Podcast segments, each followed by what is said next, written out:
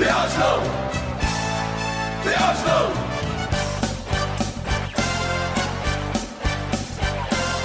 Good old Oslo, we're proud to say that name. While we sing this song, we'll win the Við erum velkomin í Hæpur Ísland, ég heiti Eithor.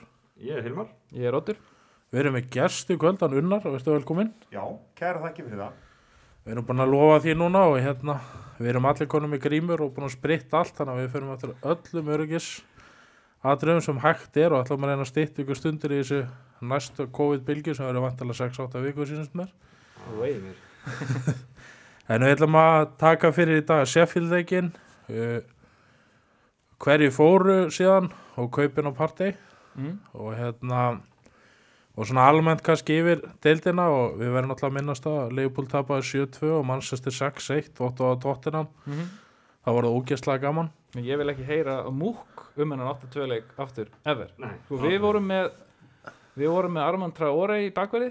Þeir voru með Singkvot 80 miljón pund á varnamannin þannig að nagl haldið ekki aftur frá með við vorum líka með Frimborg og fleiri, fleiri snillíka hann Jenkinsson Já, já. En mér leiði samt þess að ég var að horfa á gamla nationalleik og eins og oft lendi í þessu það Það hérna var bara allt inn Já, þetta var, eiginlega bara fullkomin sundagur fyrir, fyrir okkur ásnum. ég aldrei hef sátt við 2-1 sigur Nei, vá, punkt- punktarnir við, voru- Við höfum líka aðeins gaggrind þarna sigurnum átti vestam. Við vorum ekkert góðir, Nei. en sá sigur bara að vera starri og starri.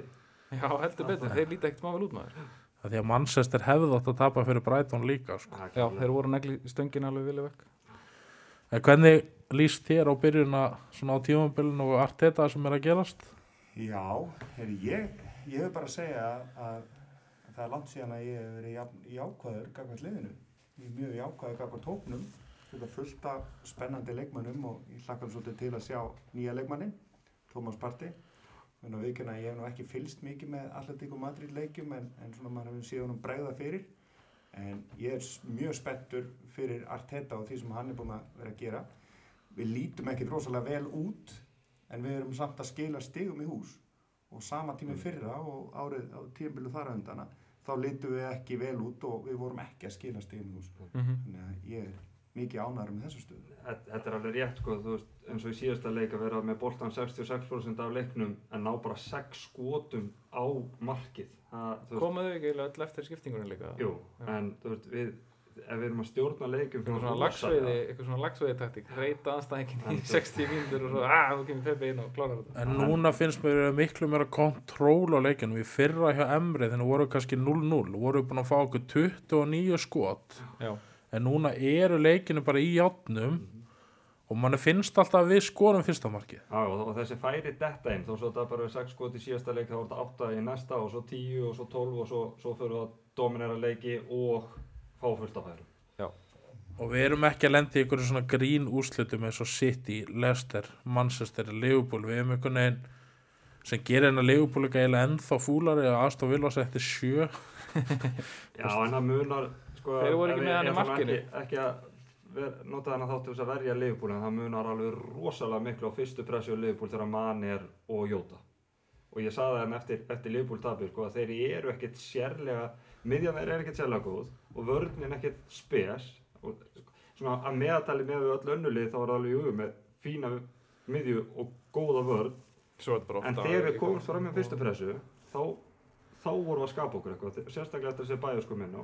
En þetta, Aston Villa nýtti sér þetta, það var engin fyrsta pressu á Liverpool og þá gáttu ekki neitt. og síðan finnst mér líka merkilegt að Martial fekk raukt en ekki manni í leiknum undan. Þetta sem Já. ángra með mestu enska dómgæslu. Það því maður var að hauka sig fyrir svona, að þetta gerðist svo snemma eitthvað, en þetta gerðist þetta ekki frekar snemma, korter, eitthvað svo leis Það eru hörðustu, jafnvel, ég, ég segi nú ekki hörðustu það eru harðilegu búlmenn búin að viðkenna að manni hefði nátt að fjúka út af þannig það okkur, fannst það.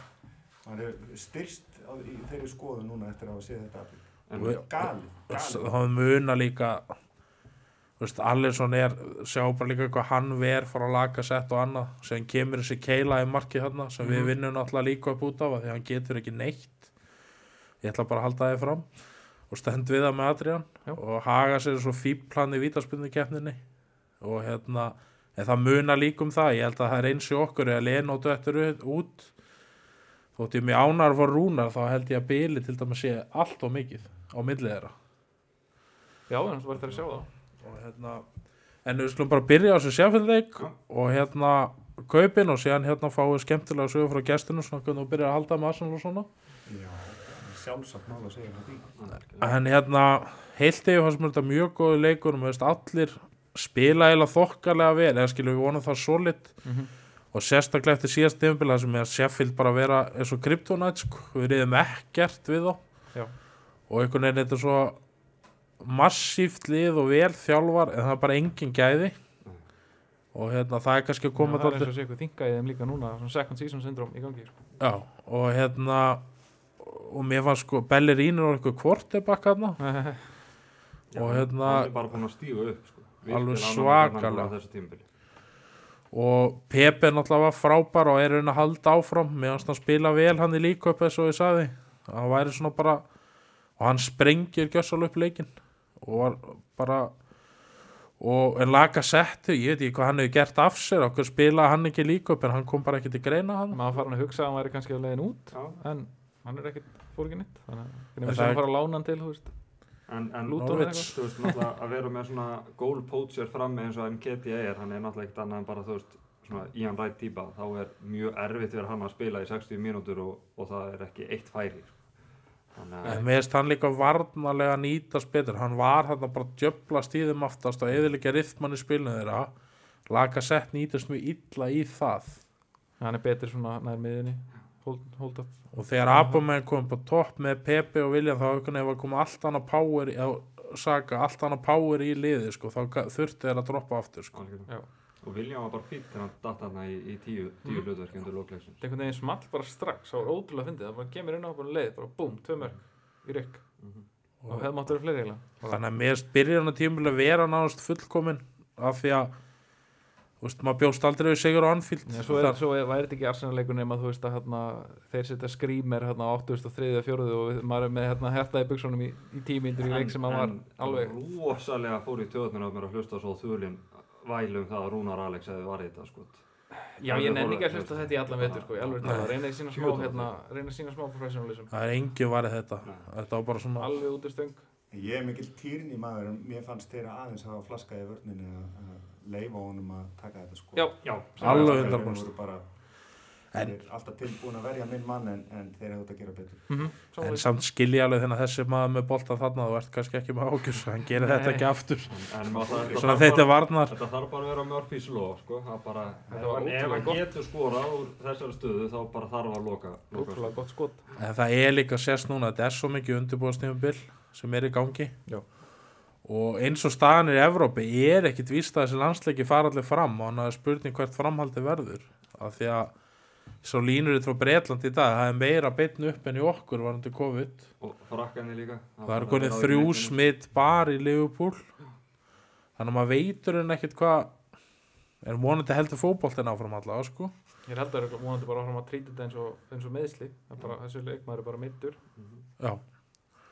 En heilt yfir fannst mér þetta frábær framstöðan og byrjunu frábær sérstaklega að maður sér það bara liðin eru alls ekki tilbúin en við erum allavega með þessi grunn atrið á hreinu. Af því að City er búin að fá svona fimmörk á sig, Manchester 6 Liverpool 11. Já, og síðan sko voru þeir í jarðaðir hérna lestir sko, áttu ekki breyk á móti vestam sko, þannig að, þannig að mér er svona heilt yfir við líta helviti vel út og við styrkjum okkur á réttum stöðum.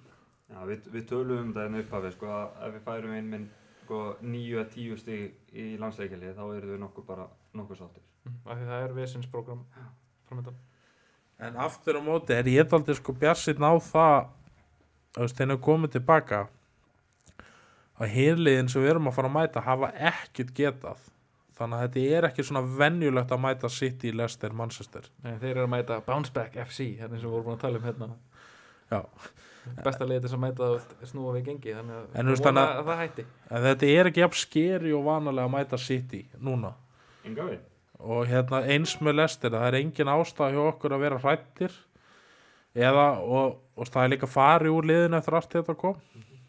Nú ofnir að hann að missa þann leiknir í jafntefli á síðasta sísón Og hérna, hann er heilt, þetta lítið líka að sjá bara árin yfir okkar liðin og stemningun í okkur. það er allt annað yfir, Manchester er bara jarðaför Mm. City jarðaför og Leopoldmenn er náttúrulega bara óþálandi eðlisvari saman hvernig gengur. Og hérna það skiptir nú engum máli. Og hérna, en þeir voru ekki sáttið en eitthvað 7 up í vinninu á mánudaginn. Og er það gott maður. Wow. að ég, þeir komu og spilu hérna, hennar söng þeirra fyrir mig eftir Leopoldleikin þannig að ég kefti skipa 7 up handaði og hérna sem er fínt að þeir fá þjást í tvær vikur lossins en þá kannski snú okkur á glugganum bara næst við keiftum Tómas Partey og vorum vondukallanir í fyrsta skipti sem ég mann eftir það er búið að búli okkur síðustu 20 árun í öllum kaupum Já. tölum bara, við fengum ekkert fyrir Vír og Henry með markasverði til dæmis Fabregas og stólið á okkur Mm. Nasri. Mhm. og, þú veist, og hérna, en Adebaur er besta sala sögunar það var ekki stólið, svo það er hreinu en það er búið að búli okkur í mörg ár. Og Iwobi á að góðsala líka En restin af þeim hafa verið svona Já, það voru ykkur galdrar. Ah, Nóa peningur fengum við hann.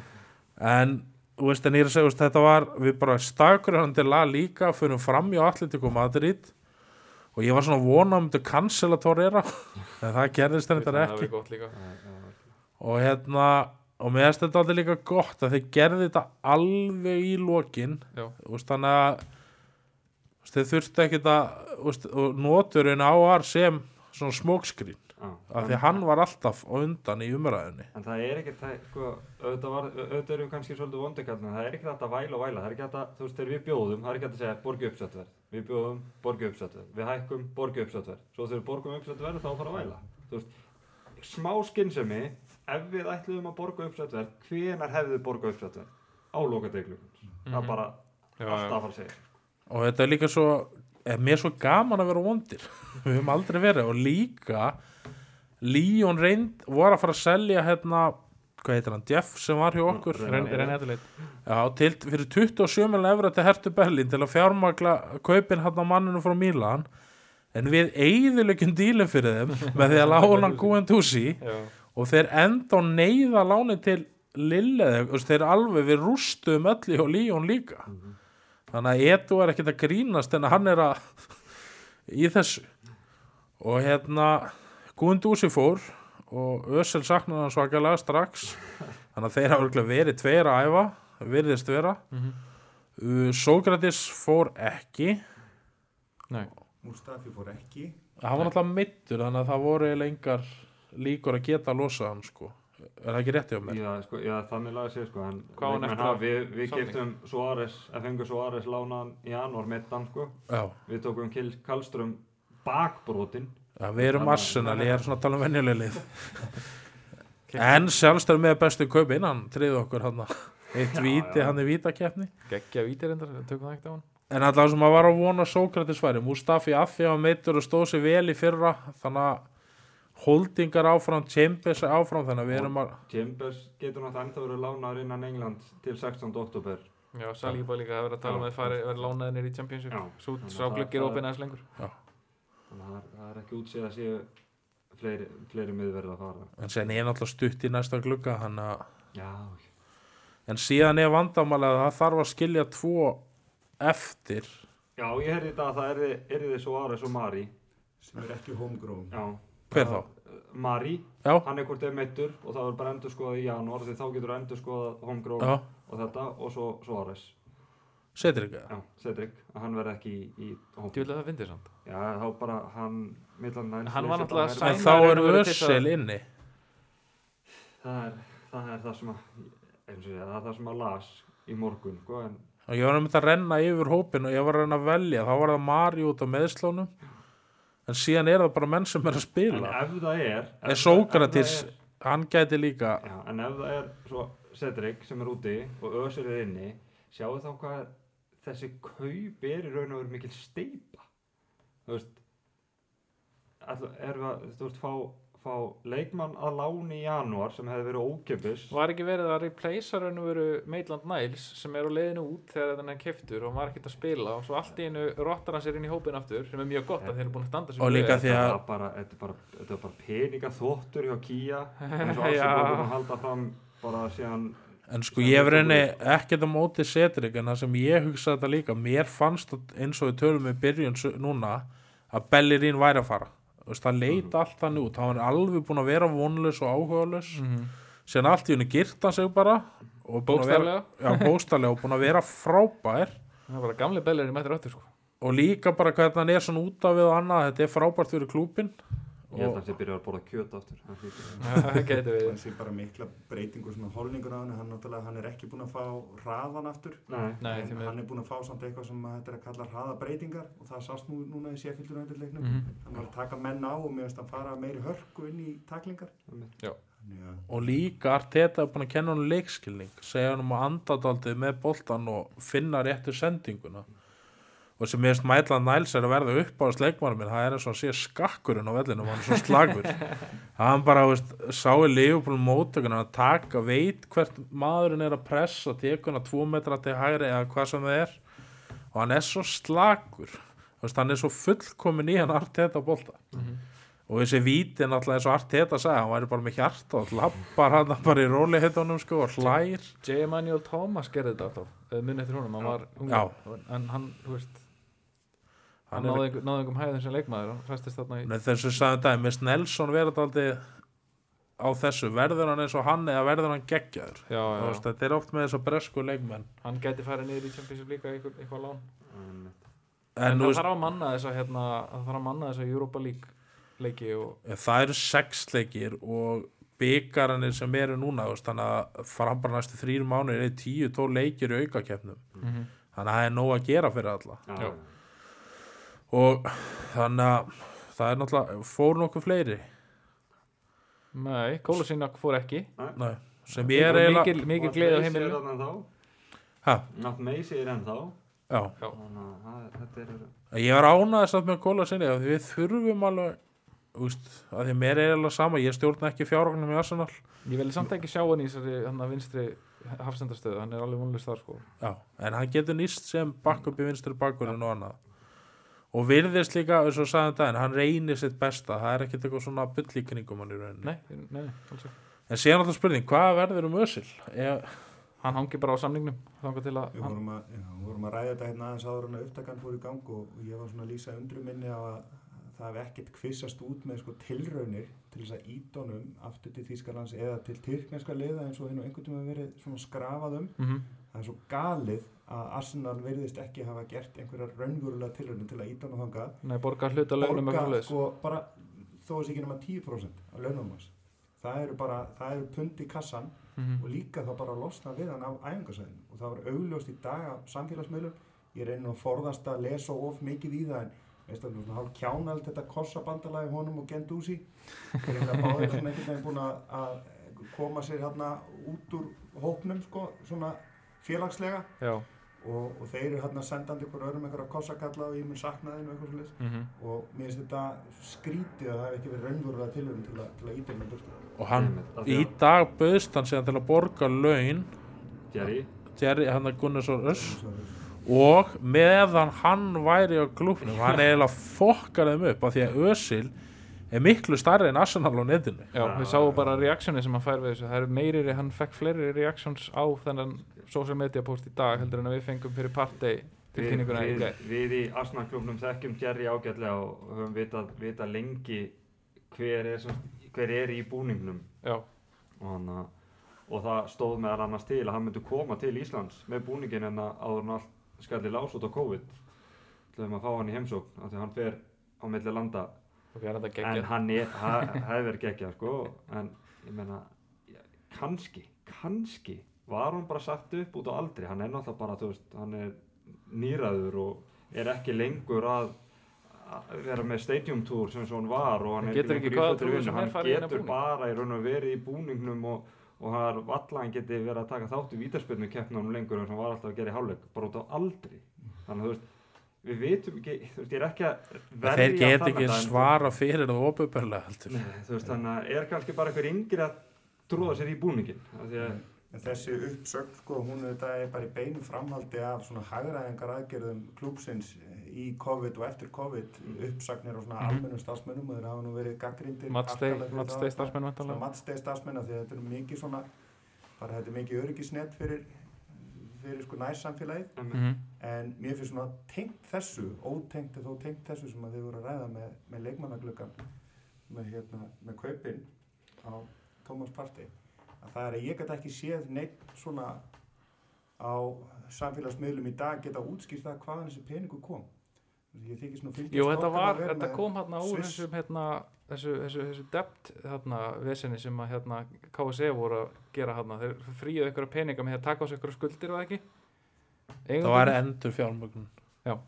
en ég held líka sem hefur breyst eftir liðbúleikin og mannstileikin þeir sjá bara núna ok, þetta fjórðasæti, það er hægt að ná því. Eigum við að spenda þessu pening taka áhættuna ná þessu sæti eða eigum við að býða En það er annað í þessu, þeir eru búin að vera að skáta hann að gæja ógeðslega lengi, það er eitthvað meistari hérna á Twitter þessi AFC Belgaur hérna hann er búin að vera bara sen í apríl Arsenal er að fara að sæna hennan gaur. Hverjum einasta degi kemur hann með update, það kemur það arabísku það er translita.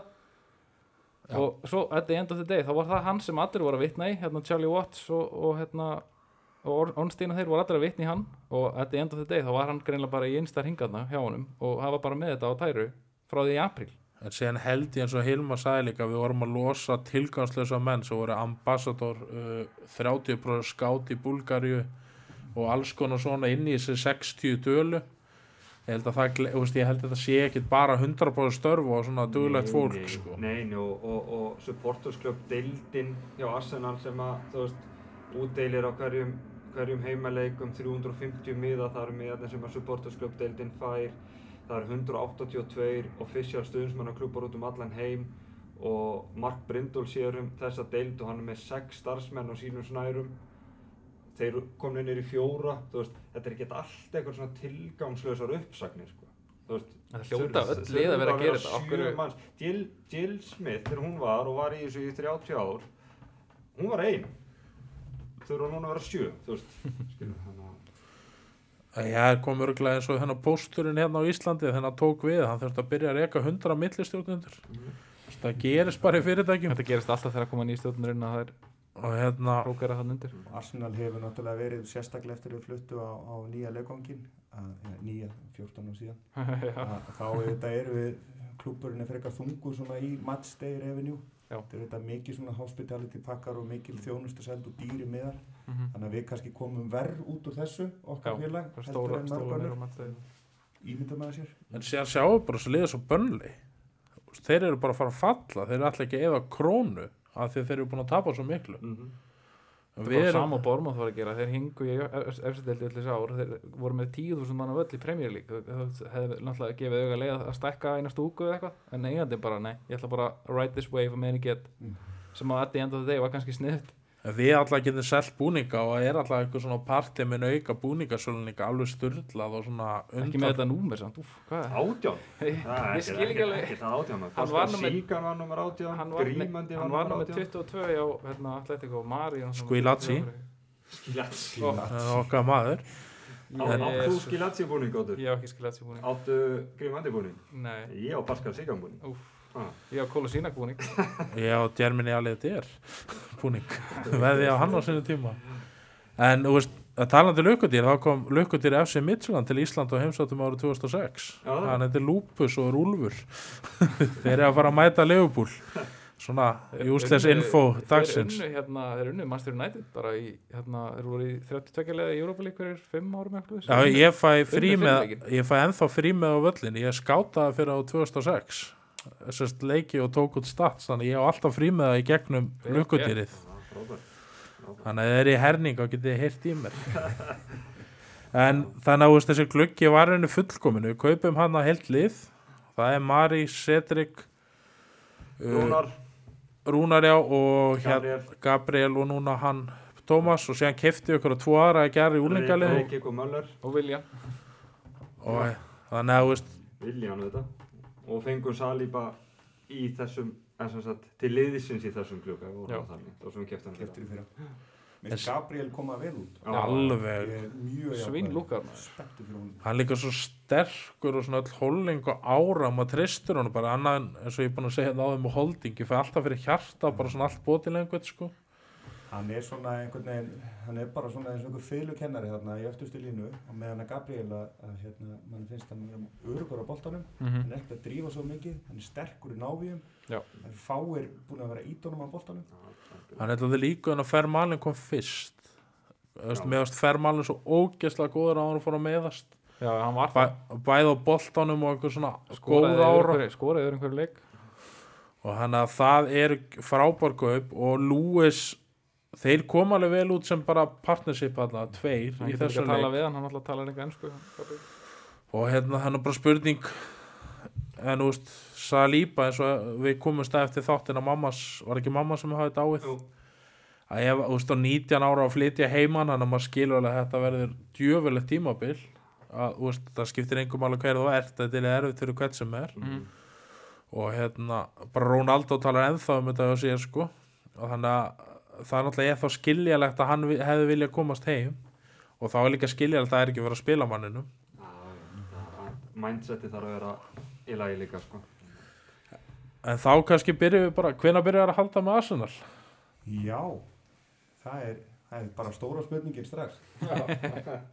ég, hérna, ég er fættur sko, 81 og ég held að það hafi verið 86 eða 7 og það er þannig að ég er alveg upp hérna í, í austur í uppsveitum Árnensíslu og það var einhver farandsölumæður, ég veit ekki hvort það hefur verið heppi, það var allavega það var einhver sem að kom og var að, og var að selja e, vídeospólur, munið eftir þessum spólum.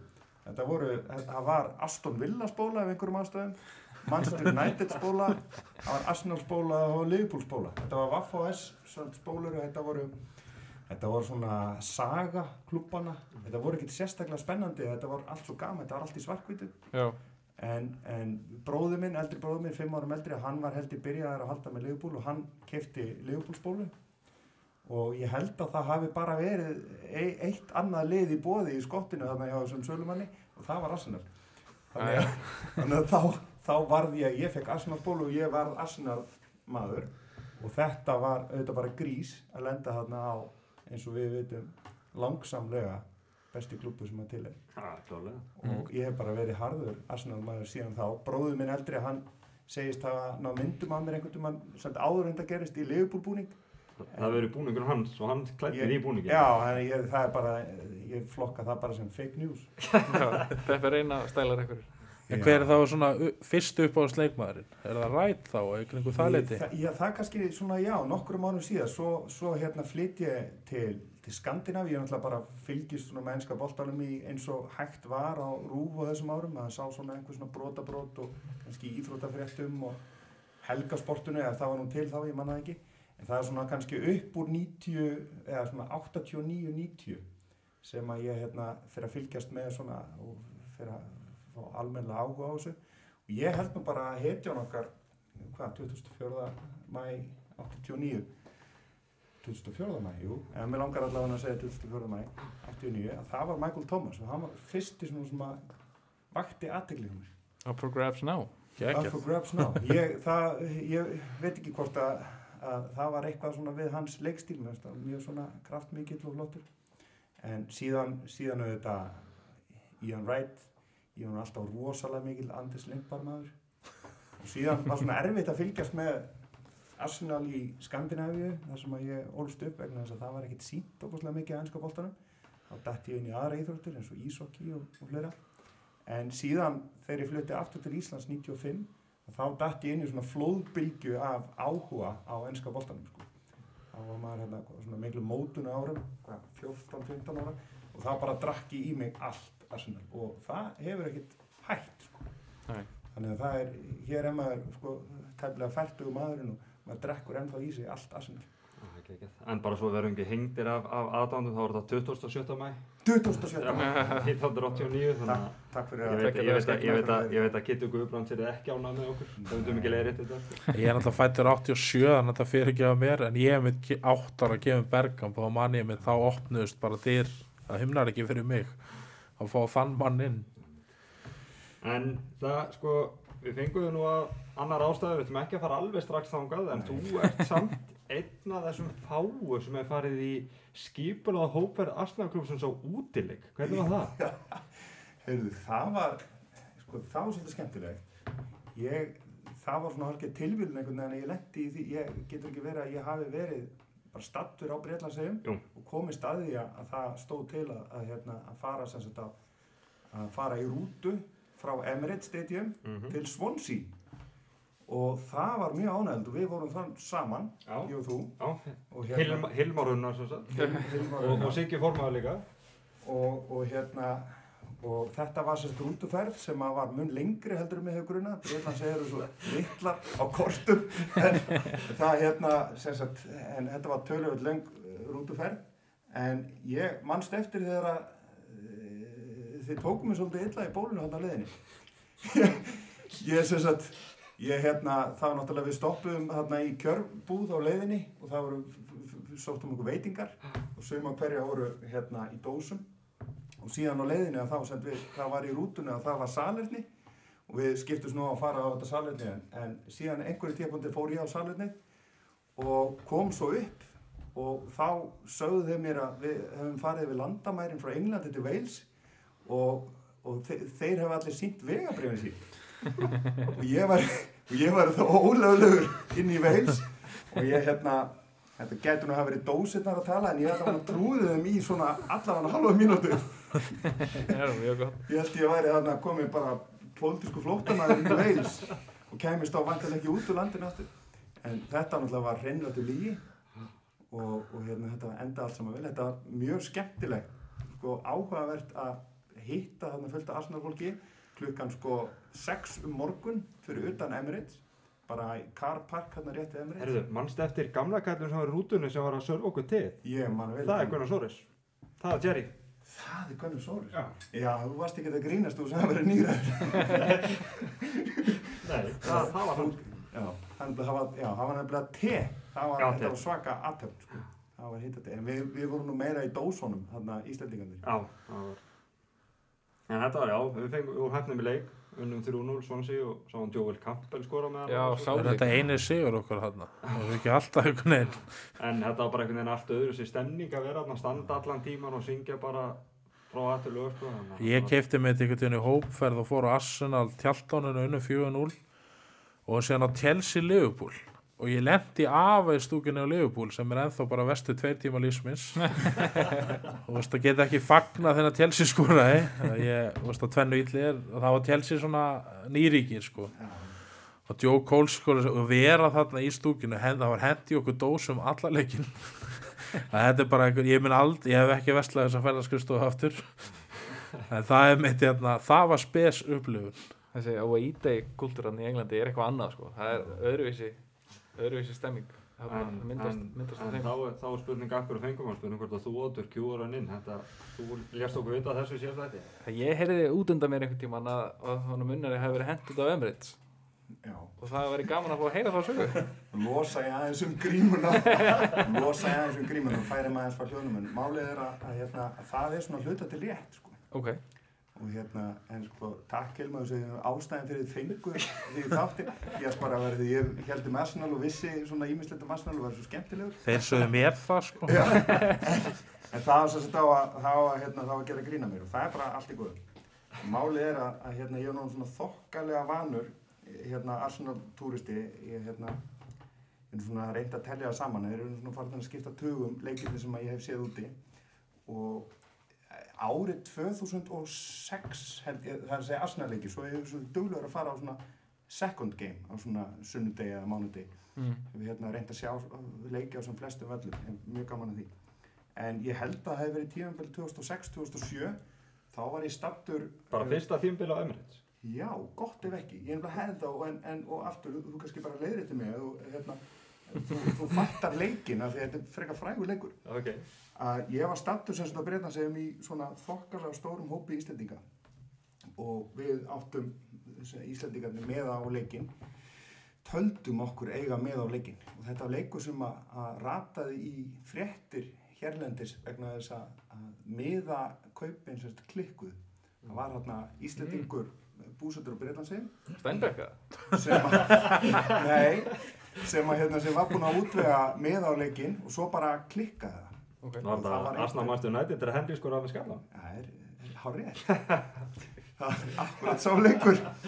Og hérna, og staðan var nokkur neginn þannig að, að það var einhver tengilegur í hópnum uh, í samskiptum við þennan meða uh, sölumann alveg bara allan daginn og alveg að bara kick-off og miðarnir átti alltaf að vera þarna átti að vera hinum einn og það, við vorum bara alltaf að fara að fá það í hendur.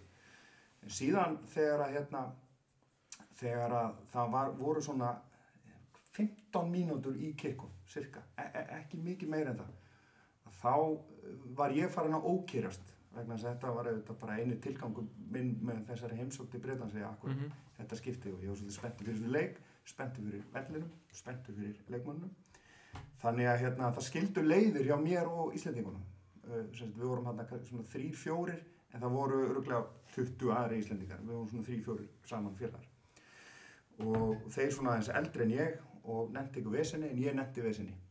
Þannig að ég gerði eitthvað sem ég hafði aldrei gert áður og hef ekki gert síðan og hafði, ég hef ekki hugsað mér að endurtaka þetta. En ég hef nokkur svona verið hinum einu ég hef nokkur svona selt miða fyrir einhverja, einhver pund bara vegna þess að ég hef verið með auka miða óvart. En ég sem sagt gaf mig að tala þarna við einstakling sem hafði bóðað okkur miða fyrir um kvöldin bara einhver gaur, bara virkilega venjulegu gaur, bara sem var þarna rétt við Asnarstöðuna við vorum búin að fara á, ég held að við höfum farið á Bank of Friendship eða, eða Gunnerspub svo löpum við tilbaka í áttunum vellinum þar sem við áttum að fá miðan svo kom miðanar ekki. Þannig að, að, hérna, að skildu leiðir, þeir fóru á pub og ég fór að hönda miða. Og það endaði með því að ég hitti sér hennan, hennan gauður aftur og hann bara hérna, fór í vasan náði í brakandi flottan miða nýjútprentaðan og fína og ég borgaði honum og ég hérna ég þór ekki að reyfið upp hvað var mikið en það var hellingur, hellingur sem ég borgaði honum sko. Það hefur verið eh, þú veist, ég held að það hefur ábyggilega verið norðan með við 100 pund pottjett sko nær 200 Já. og þetta var bara hellingspeningu þá og er það svo sem enn þá nema að ég horfi ekkert á miðan vegna þess að þarna eru sko 10-12 mínútur í kick-off og ég er hinum megin við tröppunar upp á brúnni og ég bara hleyp í áttina að vellinum og skoða ekkert miðan síðan auðvitað bara hérna, er ég komin yfir brúna og, og það svona er að tæmast stjettin hérna, ringurinn í kringum völlin og, og, hérna, þá líti ég á miðan og skoða hann ekkert nákvæmlega heldur sé bara að það er hérna, turnstyle eitthvað eða eitthvað R eða S eða K eða eitthvað. Og ég sé það svona eiginlega strax og að, að hérna, þarna eigi að fara inn. Þannig ég bara hleyp beint og ég er ekki enn búinn að skoða miðan og síðan er ég komin að uh, vellinum og afhendi miðan og þá svona horfir starfsmæðurinn á miðan uh, horfir á mig og horfir aftur á miðan og svo bara tekur hann miðan og minnir hvort hann skannan eða rífan eða hvað sem er og hleypir mér inn og ég fæ þá sagt, miðan aftur í hendunar og þá sé ég að ég er ekkit inn á ég er ekkit inn í stúku heldur ég er inni í blaðamannastúku. Og þá skoða ég miðan og það stendur, sagt, það stendur ekkit á honum að þetta sé miðu á, þú veist, fyrir, fyrir áhærendur heldur það stendur að þetta sé blaðamannamiði. Þannig að þá stóði ég frammi fyrir tveimur valkostum það er að snúa við vegna þess að ég var ekki, ekki blaðamaður þá og er ekki blaðamaður í dag. Eða að trítla bara áfram inn. Og það var engin annar. Það var engin annar akkurat þarna. Þegar leikurinn þarna var eiginlega að byrja og það var engin annar í kringum mig. Þannig að ég lappa svona í tilturlega rólugur bara. Ég, veit ekki hvort að þegar ég sé búin að fara í túr um völlin en það er sagt hérna um, blað, það sem að blaðmannafundirnir voru haldnir fyrir COVID það er svona tilturlega stór salur. Já, og svo ég er gangur frá honum og þá bara er maður nánast komin hann upp í innan gæðsalap á stúku nema er ekki stúka, þetta er, hérna, þetta er skrippborð Já. og ég náttúrulega var ekki með skrifblokk og ekki með fartölvu og ég var nánast frá eini þarna sem, að, sem, sagt, sem að var ekki með neitt slíkt. Og síðan sem sagt labba ég þarna bara og er bara aðleikna því að leikurinn er að byrja. Og ég kem þarna upp og þá er vörður sem að hérna, tekur miðan minn og bendir mig bara á skrifborð. Og hvort hann hafi spurt mig hvort ég veri blaðamær, ég manna ekki allavega að ég svaraði því ekki. En ég settist niður og honum fundist ég vera mjög illa undirbúin blaðamær af því ég ætlaði bara að leggja á minnið að helstu appið leiksins.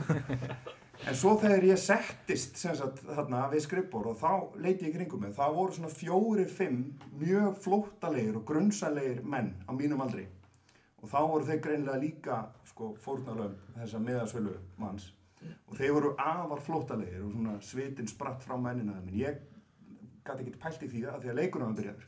Já, Og ég náttúrulega var orðulegs yfir hvað völlur var flottur og, og ég bara glemdi mér sko. Nefna þegar svona 15-20 myndu voru liðnar að leiknum og ég var notabenni ekki byrjaður að, starfa neitt þarna sem blaðamæður. Þú varst ekki byrjað að punta neitt Ég niður. var ekki byrjaður að punta neitt niður og, en ég samt held í mér því ég er nú annálug fótboltabulla þegar ég fer á leiki, ég læt nú fólk yfirleitt heyra en ég held mig til hlés út af því hvar ég var. Ég var svona síndi allavega þá lámaskinn sem. Nema að þegar á svona 15-20 myndu voru linnar að leiknum og þá fannst mér um, vera komni grunnsalega margir svona enginnisklættir starfsmenn. Þa, á þessum tíapunktu voru þetta bara starfsmenn, það voru bara verður. Að ég hugsaði mig sjálfur mér, sko, ég leit svona til hliðar og þá hugsaði mig sjálfur mér, þetta er svona eins og þegar það eru óláta belgir í stúkuna og það er komni svona stewards. já, já. Þeir svona eru farnir að svona umkringja einhverja ólóta belgi. Nema að þarna voru stewards búin að umkringja blaðamenn og hérna, og þá fóru nú félagi mínir hérna, að- að- þeir eru nú svona erlendu bergi brotnir eins og ég, nema e- ekki norðurlandabúar, þessir sem hafðu keift með hana og þeir voru farin að ókýrast mjög. Og það fækkaði svona eitthvað í hópi þeirra, eða svona hurfu svona einn og einn, vegna þess að það var alveg augljóst að þessi verðir voru þarna eitthvað að fylgjast með. Okkur. og um, endanum, sko, svo var hálftími liðin að leiknum, ég var náttúrulega bara að reyna að horfa á leikin og svo var hálftími liðin og svo 35 minútur og þá voru auk svona varða þá voru komni löggæslumenn eh, bara bobbís Með hattana bara já, já, og þeir hérna og, og þeir voru greinilega þarna í sama, sama tilgangi. Og það var einn sem að tók hérna einn eh, sem að var eftir hérna í sömu röð og ég tali og spurði hann hvaða fjölmili hann hefði verið og þá man ég eftir að hugsa hvaða fjölmili ég myndi segjast vera frá. Einu sem er dætt í huga morgunblæði ég bara, ef ég hefði spurður þá var ég frá morgunblæðinu Nót, Nótabina er mjög þægild að segja frá þessu 2020 að þetta er allt saman fyrnd það er ekki möguleik ég komist í vesen út af þessu. En ég sem sagt held mér bara áfram til hlés mjög spenntur yfir leiknum. Og hérna eh, og alltaf fækkaði í röðinu hann hjá mér sko. og svo var bara komið að mér og það var vörður svona sem að pikka í öxlina á mér og ég mátti nú ekki vera að tala mikið við hann því að leikurinn var spennandi. Og hann spurði hérna hvað henni væri og, og svona og ég eh, var nú ekkert mjög sleipur í ennsku akkurat þá. Þannig að hérna, ég svona svaraði því ekkert. Og síðan svona baði hann mig um að standa upp og koma þess með sér og ég vildi það náttúrulega ekki af því að bara leikur í gangi. Og, og ég var líka í vinnunni eða svona þóttist í vinnunni. Og, og síðan hérna fekk hann sem sagt svona Bobby með sér sko. og, og Bobby hann svona stóð við hliðina á honum, hann var nú bara líka að fylgjast með leiknum. Og ég let til leiðast og stóð upp og svona labbaði svona út röðina. Og stóð þá um, ekki á millið þeirra, ég stóð við hliðin á verðinum sko, stjúart og löggan var svona við hliðin á honum. Og þeir voru svona eitthvað að byrja að reyna að tala við mig. Og síðan gerðist eitthvað í leiknum. Ég hef oft reynd að reyfið hvað það var það var allavega eitthvað sem gerði að verkum að aðtiklinn fór af mér í svona 5 sekundur og hérna og svo þegar aðtiklinn kom aftur á mig að þá, þá spurði ég vörðin er, er, er vesen ef ég bara yfirgef sæti mitt og leiði einhverjum öðrum að fá það? Og hann sagði nei, það er, það er ekkit vesen. Og, og hérna um það leiti fannst mér lauruglumæðurinn svona vera að fara að gera sér líklega að hjálpa mér af vellinum en ég sem sagt bara eh, hljóp.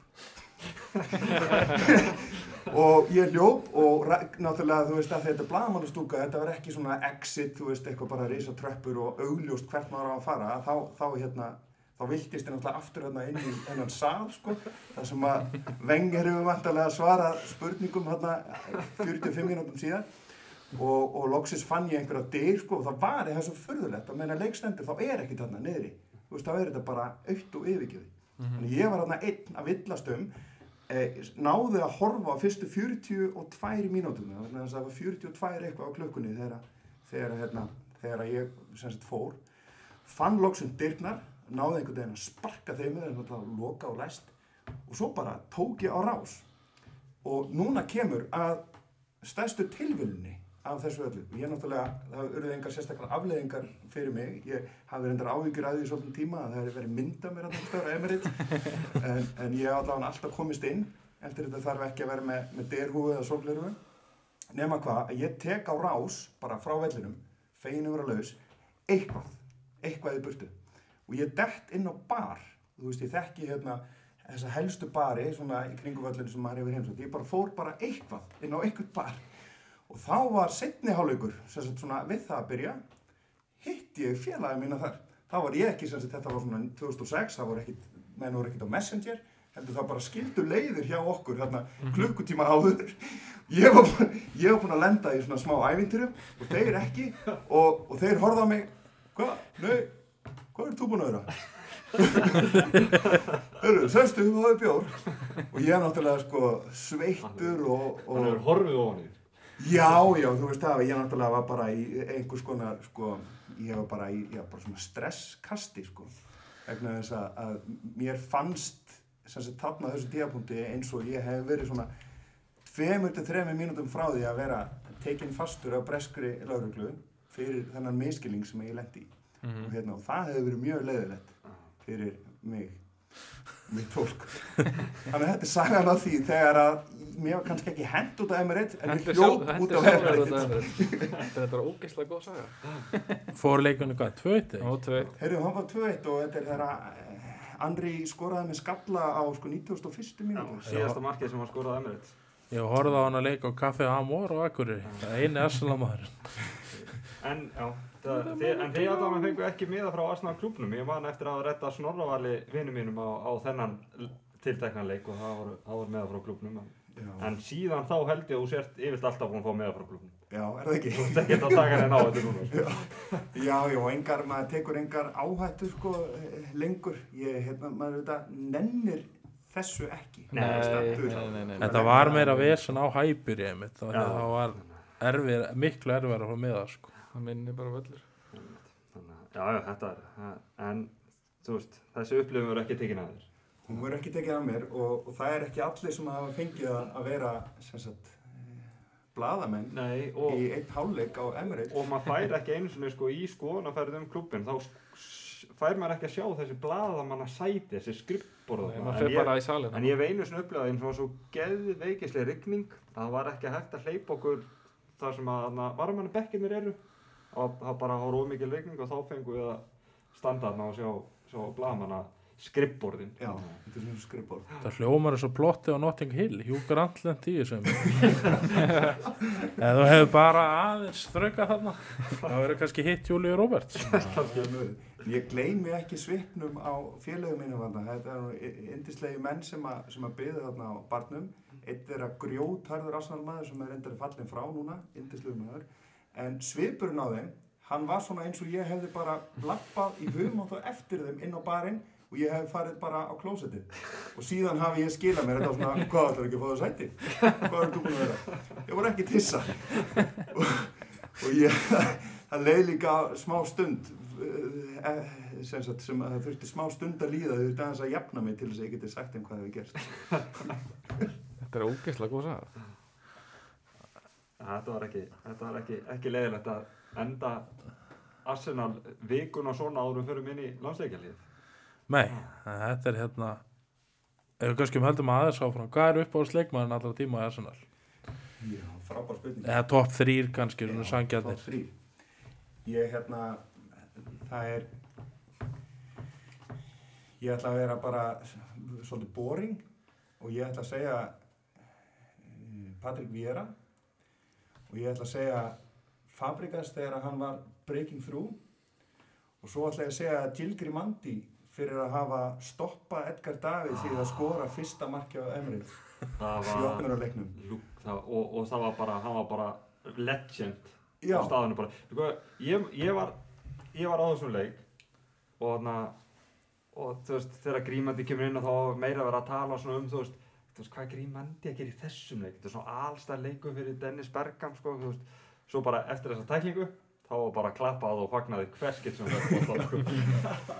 Ég held reyndar að Jill Grimandi sé sko merkilegu karakter sko. Það eru margir svona, maður hefur lesið svona sko sögur, æfisögur og, og greinar um þetta, ég held að hann hafi verið svona sérstug típa í klefanum og, og svolítið skemmtilegur og greinlega þetta vengir hefur haldið upp á hann. En það voru hann á þessu tíma hjá frökkunum með þetta Kristof Tugari alltaf í franska landsliðina því hann var besti vinnu síðan stókið hann var góður á Birmingham en hann hefði ekkert að geta þetta franska landslið þeir voru alltaf með svona, þetta er þessu Asi Míla núna það er bróðir hérna Donnarumma varamagnar, svo, þeir ná svo vel saman þannig að það er það.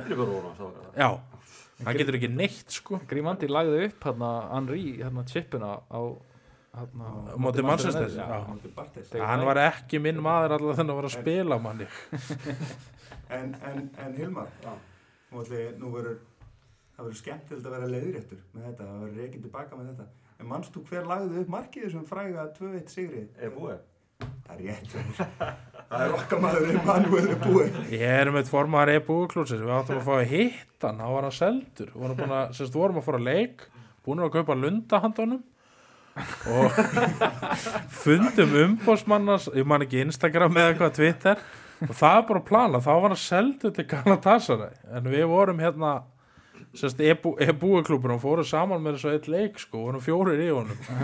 Það var ekki margi fleiri sem vildi koma hann var svo ánæður að hann átti að fá lunda. En það er náttúrulega hræðilega fréttir honum í dag, hann er gjaldþrótt og komið með AIDS og bara allt í skrúinni. Það tekið hann númeri áður en hann var seldur og svona hann lendi í svona skemmtilegu. Já, það mest alltaf besta sagan hann, þannig að hann var galafesti hérna góðgera og hann mætti hákallabúni. það er eiginlega besta sagan sem mann að ég hef En hann vil ég bæta ykkur fleiri við, eða fleiri spurningar. Ég held að þátturum megi alveg verið lengur lægja því að það er ekkert að gerast næstu tvær vikuna svo sem. Nei, nei. Það er Bara því ég og Hilmar erum svo miklu treyju kallar Hver er uppáhalds treyjan? Arsenal treyjan? Hver eru uppáhalds, sko, uppáhalds sem, sagt, sem að ég ásýn búin að merkja eða... Ég er að spyrja unnar sko. Já, Við getum alveg- ringin sko. Við getum alveg farið ringin sko Ég hérna, þetta er um skemmtilegt að þið skulle spyrja þessu vegna þess að, að það er núna býttu nú við. Ætlið það hafi ekki verið það var í þar síðasta leik var ekki þar síðasta leik sem að, að ég var bara heima hjá mér aldrei svo vant, í róleitum að horfa á leikin uh, ekki einhver staðar að ferða flugið að reyna að ná þessu í iPad eða síma eða eitthvað. Og ég náði í gamalt djást úr skápnum sem að er 89 búningurinn. Úf og hann rataði tíminu svolítið skemmtilega nátt. Og hérna og hann sem sagt hann var í eigu stóra bróður vina míns í, í Finnlandi. Og hann sem stóri bróðurinn hjælt með Arsenal. Og hann var orðin á stóri búningin litli bróðurinn hjælt með Liverpool. Nema ég var í heimsókn á þessu heimili. Og þá sagði mamman hérna, herru þú heldur með Arsenal. Og ekki bjóða þér að eiga hann búninga því annars fer hann í ruslið og hann náttúrulega var eins og, eins og gala kjóll á mig þarna þegar ég var sko 12 ára eða eitthvað. En, en smell passar í dag. Er, og ég sko þar fyrir utan, fyrir utan að mér þykir vænt um þennan búning þá finnst mér það lúk sko. Og ég lofa að flottur sé- sko. Veist þetta er bara, þetta er algjörlega klassíst útlit og rosalega flott snið. Mhm. þannig að ég er að bara verða að segja og plúsa náttúrulega mjög góða minningar sem við tengjum Já, já 89 búningum. Hilmar, Bara. Já, sko, það er bara fyrst, fyrsti búningur. Þetta vart alveg verið fyrsti búningur sem þú egnaðist. Þetta var fyrsti búningur sem ég egnaðist. Ég, síðan var ég ekkert að sapna neinum búningum að mér hérna í, meðan að Skandinavíu árunum stóð. En mér finnst eins og fyrsti svona búningur sem ég keipti mig sjálfur. Það var, það er nú önnu klassík. Það er allavega búið að endur gera hann og hann er til sölu í Armory. Og það er hérna, það er guli búningur með bláu röndinu, svona þver rönd sem að margir tengja við Viera.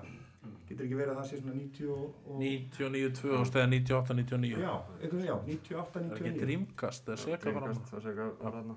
Sega, Sega var á varabúningunum og Dreamcast var á þriði búningunum. Já, já, jafnvel 98, 99, já. Þannig hérna, jú, það voru potið einhverju búningar þar á endan en, ég er svona með þótti væntum hann og ég á hann nú ennþá. Og Ég, það er einmitt vér aftan á hann. Ég, ég egnaðist með enn fyrsta búning 93. Þá fara mamma og pappi í Vestlunarferð til Dublin. Og þannig að þetta var nú samt örgulega í september eða, þú veist, þetta var snemma. Snemma, eða þú veist, löngu, löngu fyrir jól. Og kaupa hennan gula, Bruce Banana búningin. Já. og ég var þá svolítið svona óþólumóður og forvitinn og gramsaði alla skápa og fann búningin og sá og, og opnaði skápinn okkur einasta degi fram á jólum. Var þess að sjá hann en svo náttúrulega þegar ég opnaði skápinn á þólásmessu þá var búið að taka búningin og pak, pakkurum inn og, það var svona ekki nógu skemmtilegt en, en mér fannst það alltaf geggjaður og ég var ógeðslega fúll þegar hann var kosin ljótastu búningur í sögu úrvalstildarnar hérna 2000 og eitthvað. Það er bara crazy talk. Nei, þetta er, og það var náttúrulega bara Ian Wright sem fór aftan á þennan, þennan búning og, og þetta hefur alltaf, alltaf verið minn uppáhaldsbúningur þegar þeir komu með remakeið. núna þá fór Wright aftan, aftan á hann líka. Já, en, en Ég, veitu, kosin ljótasti búningur í sögu premjölík, munar ekki, munar ekki eftir Gráa þeir fóru úr í hálfleik. Og með allri virðingu fyrir sko góðum leifbúluvinnum mínum en, en þeir voru nú ekki mjög glæsilegum gráum bortúk núna um helgina. Þeir Nei, fengu vá. sjö í Það var smetti eitt slæmur búningur maður. hann er alveg skelfilegur en aðalbúningurinn finnst mér bara flott Hann er alltaf leið. ja, ég er ekkit vola hrifin af þessari græn bláu röndarna sem er á Það er er ekki í merkinu þeirra eitthvað grænt, þetta er eitthvað know. En já, það er bara, jú, jú, búningurinn kannski eftir leginn. En þetta er, þetta er tímanlöstu uppáhaldsbúningur minn og hann er smól en ég næ að tróða mig stundum í Já, hann. vel gert. Staklega núna maður með búin að skafa alveg vel á sér. Já, Minn uppáhaldsbúning, ja, fyrsti búning var hérna blái með hérna eldingunni 95 já, varabúningunni já, en, hann líka, Dennis Bergkamp, tíu. en uppáhaldsbúninga minn alltaf hérna 2001-2002 bæði rauðibúningin búningurinn og hérna gullbúningurinn þessi tveir er svona í miklu uppáldi þá voru þeir líka ógeðslega góðir og maður gæti strýtt öllum Er ekki vilthort í honum þegar hann skorar á móti? Jú. Já. móti United við töpum ekki leik í gullbúningunum og hérna en síðan eins og 2003-2004 það er eiginlega leiðilt að þeir búningar voru þá svona nýtiskulegir veginn og fóru þetta aldrei úr klassikinni Já, sniðin á þeim eru líka vond ef þú kaupir retro treyju, þú veist, það er ekki hægt að vera í þessu. Hann er minn nærinn er á olbúða og svo er hérna bodyið alltaf stutt. Er svona, Já, og sen er líka net inn í þessu já, já, þetta er ekki hægt, sko. Og ekki enda þér? Ég verð að segja, sko, uppáhaldsbúningurum minn, fyrsti búningurum minn er Invincibles treyjan, ég er alltaf aðeins yngri en þið. Og ég fæ hana hérna til mynda mér í þessu, eh, mynda mér í þessu fermingabæk, myndunum og svona, heldur skemmtilegt. En uppáhaldsbúningurum minn verður eiginlega að vera, og það er ekki tengt hérna risöltum vegna þess að við gátum ekki blöytan í þessum búning, en það er hérna blái hérna puntabúningurinn sem vorum í fyrir síðustu tímbilans vengars, sem sagt varabúningurinn, þegar við sænum ápa með Mm. vegna þess að það kemur svona orðrómur um að við sem fór að kaupa kaupa og ég sagt nefni þetta, við kærasta sýstumennur og hann bara, hann er aldrei að fara að koma ég skal kaupa búning handa þér ef hann kemur. Svo förum við til Englands og hann kom og hann kefti handa mér Það, búning. Sem ég sjálfsögðu merti með ábamæðing og er í hvert einasta tækifæri sem ég get klínt þessu framann í hann. Og það er uppáhaldsbúningurinn minn Já, ég á hins vegar svona uppáhalds sögu í kringum 99 Sega búningin af því að á þessum tíma bý ég hjá ömmu afa og afi átti faxtæki. Og á þessum tíma þá fáum við nei, ég var áskrifandi af einhver svona Arsenal blaði. Það var ekki í gegnum Arsenal klubnum, í Íslandi en ég var áskrifandi af einhver svona Arsenal blaði og aftast í blaðinu var svona pöntunar blað þar sem kannski bara skrifa hvað þú vildir og þannig að á þessum tíma er ég náttúrulega bara uh, algjör horengla og hefði mjög líklega að passa ennþá í smólbúningin en ákvaða, af því að það er nú faxnúmer hérna niðri, ákvaða að, að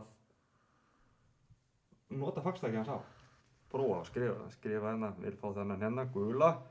Ég vil ekki að hann sé of lítill, þannig ég kaupi extra, extra large og merkja hann átta og Hilmar og og merki síðan eitthvað svona transfer, væjar, eitthvað, vissi ekki neitt hvernig átt að milli fara pengur til útlanda eða flest skellir þessu svo í fagstækið. Og svo fæ ég búningin sem er alltaf allt, allt og stór hann ennþá stór í dag. En, en, en þegar símareikning, símareikningunum kom þá fekk ég sem þetta samtal frá afa þar sem var að spyrja hvort ég hef verið að nota fagstækið. Já, þá þurfti sem sagt að skella á þegar þú ert búinn að faxa. Þannig að ég hringdi til Bretlands með faxtæki og svo bara tikkaði og tikkaði og tikkaði og tikkaði og tikkaði. Þá var einhver lekkur í simstöðunni í sængir ákvað svona, herðu, það er kannski ekki ennþá að vera að tala við Bretland og skellt á hann. Afi, afi því miður er dáið núna hann sagði mér aldrei hvað símreikningunum var þá. En talandi varum að tala um gula hérna seka á þessu tíma hvað er fyrsti leikmaður sem dettur í hug þegar þið sjá hann að búning fyrir Í, hérna gula sega. Já. Það er bara Viera. það er sama hér við Ég er bara tengi bara. Já. Ég er bara kanum, ég veit ekki akkur, en ég held að það af Vic hérna- um Moskó þegar hann var að deyja úr kulda. með Vicks klessuna hérna framan Það, það er hérna, ég veit ekki hvort að þeir séu mikið í því væntalega að, að horfa á hérna svona einhver gömul highlights, að ilja sig við svona einhver gammalt og jú, gott. jú. sérstaklega fyrra ára Það var þegar það á atleitikuleiki og svona. Já, var ég var sérstaklega, að því í dag sérstaklega þegar við erum svona, e- e- erum ekki búin að kannski, jú, við erum búin að skila einum og einum málmi í hús en ekki búin að vera afgerandi bestir. En það er að, mér finnst svona ein- einhver skemmtilegustu highlight sem að ég sé að það er e, Prime Viera, sko, Mhm. hjá okkur. Vegna þess að það er bara, og mér finnst reyndar og það er bara, getur verið sko, hérna getur verið skipta skoðun á þessu. Mér finnst við ennþá vera öllum þessum árum setna að leita okkur að sko arftaka kannski- þess leikmanns. kannski datt í gær. Kannski kannski nefnilega hann í gerð, ég ætla að segja kannski verða famous last words. En, en finnst við vera að leita arftaka þar að einhver raunverulegu svona powerhouse á miðju sem að tekur boltan, drífur upp leikinn, keirir upp hraðan, dreifir spili, Já. tilbúin að taka einhver svona áhættu sem hlaup, tilbúin að fara í taklingar aðeins búin að vera að lesa mig til um það er Gunnar blogg var með eitthvað linka á einhverja greiningu á hennu dag og það sem stóði kapslokk, hann er ekki powerhouse powerhouse miðumæður hann er rosalega yfirvegaður og rólegur miðumæður en ekki smeyku að fara í taklingar en ber boltan hratt og vel upp völlin og spilar hann vel frá sig þannig að ég er mjög spenntur að sjá hann í fallega búningum. Það þið farið á Amazon Prime. Er gott af þessi áskötu góði það er á 500 gall mánuðin og skoði highlights for World Cup 2006 það er bara mótið að svíjara ég hef aldrei séð neitt leikmann jafn góðan og víjara, ég hef búin að stengleima þessu. Þá er náttúrulega farun Arsenal þannig að tengingin við Frakland var kannski ekkit mikil. En ef þú horfið á þetta það er sturlað að sjá mannin hann á bara þetta mót einn. Hann kemur frökkunum í úslit Ég, sko, Og það er myndi líka Brasilia hérna all or nothing og þá getið sé edu á störfum. Það er mjög gaman að horfa á það. Ég mæli hygglust með því. ég er að náttúrulega, sko, hann, ég held að sé einn af vannmettnustu leikmönnum ennsku úrvalsteldan af liðum sem að, af leikmönnum sem hald, neða af áorundu sem halda ekki. Ég að það hafi ekki átt að sagðu hvað góður, en ég held að við erum að sé bara einn af svona topp þremur bestu miðjumönnum sem hafa spilað á England. Bara ever, ekki bara úrvalstildinni, bara síðan, fótboltinn byrjaði þarna 1886. eða hvað. Horf- Horfið- Googli bara eins og hérna á transfer market. Það getið séð svona statusi. Sá byggarnar sem maðurinn vann. Þetta er ekkit eðlilega mikið sko. Þannig að hann er langbesti miðum að þessi ég sem spila á Englandi. Og hérna, og mér finnst það miklu betur en Gerard Lampard. Ég ekki alltaf, þú þú veist, maður verður kannski myrtur á morgun og viti ástæðuna. ég held að þeir sé ekkert að hlusta það sem er kannski ágætt Eh, Það er aldrei að vita, þeir leita langt yfir lækin til að ná ykkur á okkur. En þú ert alltaf múin að setja press og oddum að koma, koma þætt, þættir með hlustun a- allan á á morgun. já, ég flóta hann bara núna En hérna, ef ekki bara kalla þetta kvöld núna og takk kærlega fyrir komuna. Já, takk fyrir. Takk fyrir mig, bara gaman Og- að vera með ykkur. Við skulum bara skoða stöðuna hvernig COVID fer og alltaf þá kannski höfum við ykkur bara sér þáttum bergamp í vikunni eða eitthvað svo sem krigum helgina og gerum eitthvað skemmtilegt. Algjörlega. Þannig að við segjum bara takk fyrir okkur. Takk, takk. takk dag